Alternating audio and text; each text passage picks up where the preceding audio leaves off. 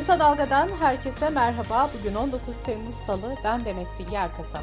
Gündemin öne çıkan gelişmelerinden derleyerek hazırladığımız Kısa Dalga Bülten başlıyor.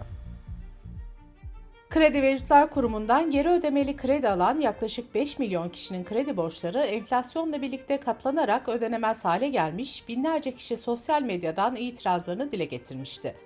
İktidardan da KYK borçları için bir çalışma yürütüldüğü açıklaması gelmişti. Cumhurbaşkanı Erdoğan çalışmanın sonuçlarını dün kabine toplantısından sonra açıkladı. Erdoğan hiçbir öğrencinin faiz uygulamasına tabi tutulmadığını, enflasyonun yükselmesi nedeniyle beklenmedik rakamların ortaya çıktığını söyledi. Cumhurbaşkanı Erdoğan, kredi geri ödemelerinin enflasyon farkı ya da faiz olmaksızın ana para üzerinden yapılmasına karar verildiğini açıkladı.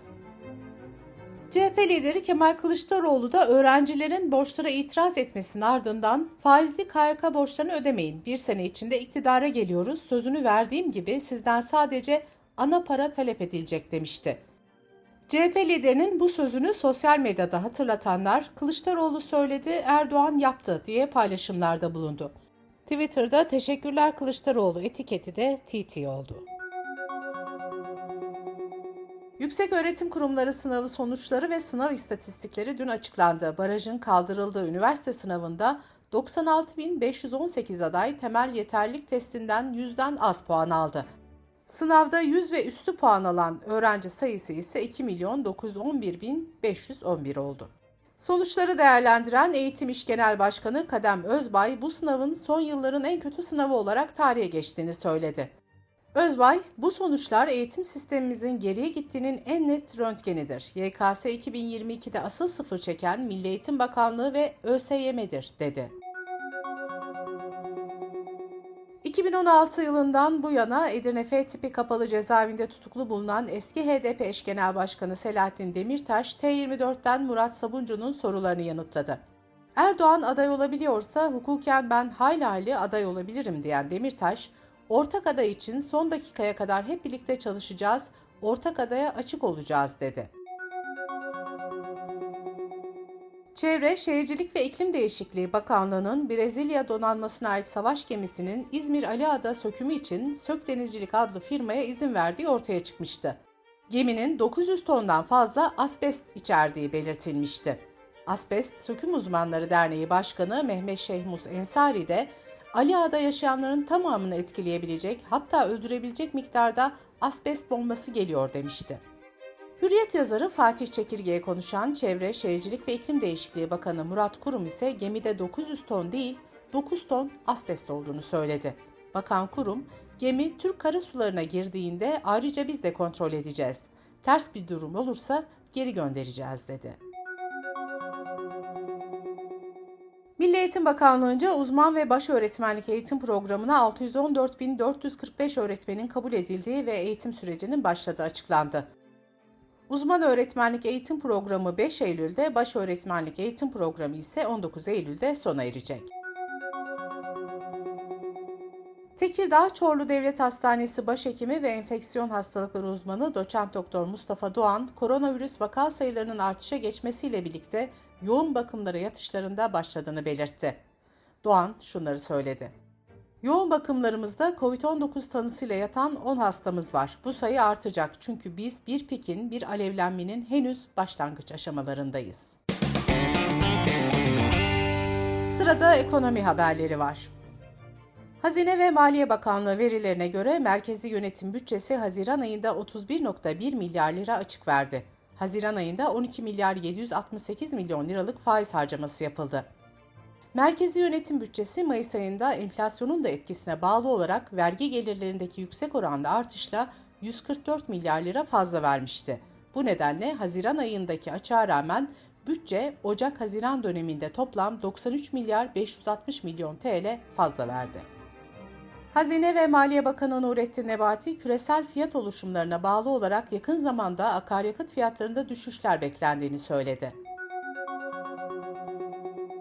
CHP Antalya Milletvekili Çetin Osman Budak, ekmek fiyatları son bir yılda %154 arttı dedi. Budak ayrıca gıda enflasyonu bu hızla artmaya devam ederse dar gelirli yurttaşlar açlıkla karşı karşıya kalacak uyarısında bulundu. Türkiye İstatistik Kurumu Haziran ayına ilişkin tarım ürünleri üretici fiyat endeksini açıkladı. Buna göre tarım üfe Haziran'da bir önceki aya göre %0.66 azaldı. Tarımda yıllık üretici enflasyonu ise %148.9 ve 12 aylık ortalamalara göre de %67.98 oranında arttı. İstanbul Kart'ın satış ücretlerine yine zam geldi. 25 liralık anonim İstanbul Kart'ın satış fiyatı 50 liraya yükseldi. Bunun yanı sıra indirimli mavi kart, ücretsiz kartlar, ada kart, kişi özel İstanbul Kart ücretleri de 35 liradan 60 liraya çıktı. İstanbul Kart'a Şubat ayında da zam yapılmıştı. Alkollü içkilere de 12 gün içinde ikinci zam geldi. Tekel Bayileri Platformu Başkanı Özgür Aybaş, ithal şarap, vodka, viski ve likör ürünlerinde %15 ila 20 aralığında zam yapıldığını söyledi. Türkiye Müteahhitler Birliği'nin 2022 yılının ilk yarısına yönelik inşaat sektörü analiz raporunda girdi maliyetleri sonucunda sektörün %7.2 gerilediği ve faaliyetlerin de durma noktasına geldiği belirtilmişti. Türkiye İstatistik Kurumu verilerine göre de sektörde çalışan sayısı da bir yılda %7 oranında geriledi. Çalışma ve Sosyal Güvenlik Bakanı Vedat Bilgin katıldığı bir panelde yaptığı konuşmada birçok ülkede 8 saat çalışma süresinin aşağı çekilmesine yönelik çalışmalar olduğunu belirtti. Bakan Bilgin 25 yıl sonra 6 saat ya da daha az fiili çalışmanın devreye gireceğini söyledi. Bakan ayrıca işçi sendikalarının örgütlenme düzeyinin düşük olduğunu ve bunun da ciddi bir sorun olduğunu vurguladı. Amerikalı kahve zinciri Starbucks'ın pandeminin ardından başlayan yüksek rekabet ve değişen tüketici tercihleri nedeniyle İngiltere'den çıkmayı planladığı açıklandı. Milli Savunma Bakanı Hulusi Akar, Ukrayna limanlarında bekleyen tahıl ve gıda maddelerinin deniz yoluyla sevkine ilişkin Türkiye, Rusya ve Ukrayna'nın askeri heyetleriyle Birleşmiş Milletler heyeti arasındaki toplantının en kısa süre içinde yapılmasının planlandığını söyledi. Bakan Akar şöyle konuştu. Tahıl ve gıda maddelerinin taşınması için bir plan üzerinde genel prensipler üzerinde anlaşmaya varıldı. Bunun somut uygulama planına dönüşmesi için gayretlerimizi sürdürüyoruz. Rusya'nın saldırıları Ukrayna'nın doğusuna yoğunlaşırken Ukrayna Devlet Başkanı Zelenski hem güvenlik şefini hem de Ukrayna Başsavcısını görevden aldı. Ayrıca Ukrayna aleyhine çalıştıkları iddiasıyla 60 güvenlik servisi çalışanı ve savcılık çalışanları da görevlerinden alındı.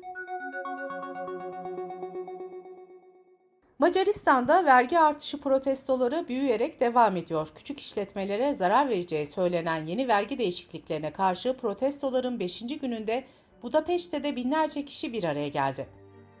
Parlamentodan hızla geçirilip pazartesi günü yürürlüğe konulan yeni düzenlemeler en küçük tek kişilik şahıs şirketlerinin faaliyet biçimlerinde ve çalışma koşullarında bazı değişiklikler getiriyor. Vergi kalemlerini artıran düzenleme 450 bin kişiyi ilgilendiriyor. Sri Lanka'nın geçici devlet başkanı ülkede olağanüstü hal ilan etti. The Guardian'ın haberinde o halin ülkedeki protestoları bastırmak, protestoculara yönelik gözaltı ve ev baskınları gerçekleştirmek için kullanılacağına dikkat çekildi. Sri Lanka'da parlamento bu hafta yeni devlet başkanını seçecek. Avrupa'yı etkisi altına alan sıcak hava dalgası bu hafta da devam ederken İspanya ve Portekiz'de 1027 kişinin öldüğü açıklandı. İngiltere Sağlık Güvenliği Kurumu da olağanüstü hal olarak kabul edilen 4. seviyede alarma geçerken ülkede okullar ve sağlık merkezleri kapatıldı. Orman yangınlarıyla mücadele eden Fransa ise sıcaklık kıyameti yaşadıklarını belirtti. Bültenimizi kısa dalgadan bir öneriyle bitiriyoruz. Aşırı sıcaklar Avrupa'yı kasıp kavururken İngiltere'de sıcaklığın bu hafta 2050 yılı için öngörülen değerlere ulaşacağı belirtiliyor. Gazeteci Mehveş Evi'nin 2050 yılında neler yaşanabileceğini hikayeleştirerek anlattığı ödüllü podcast'ini kısa dalga.net adresimizden ve podcast platformlarından dinleyebilirsiniz. Gözünüz kulağınız bizde olsun. Kısa Dalga Medya.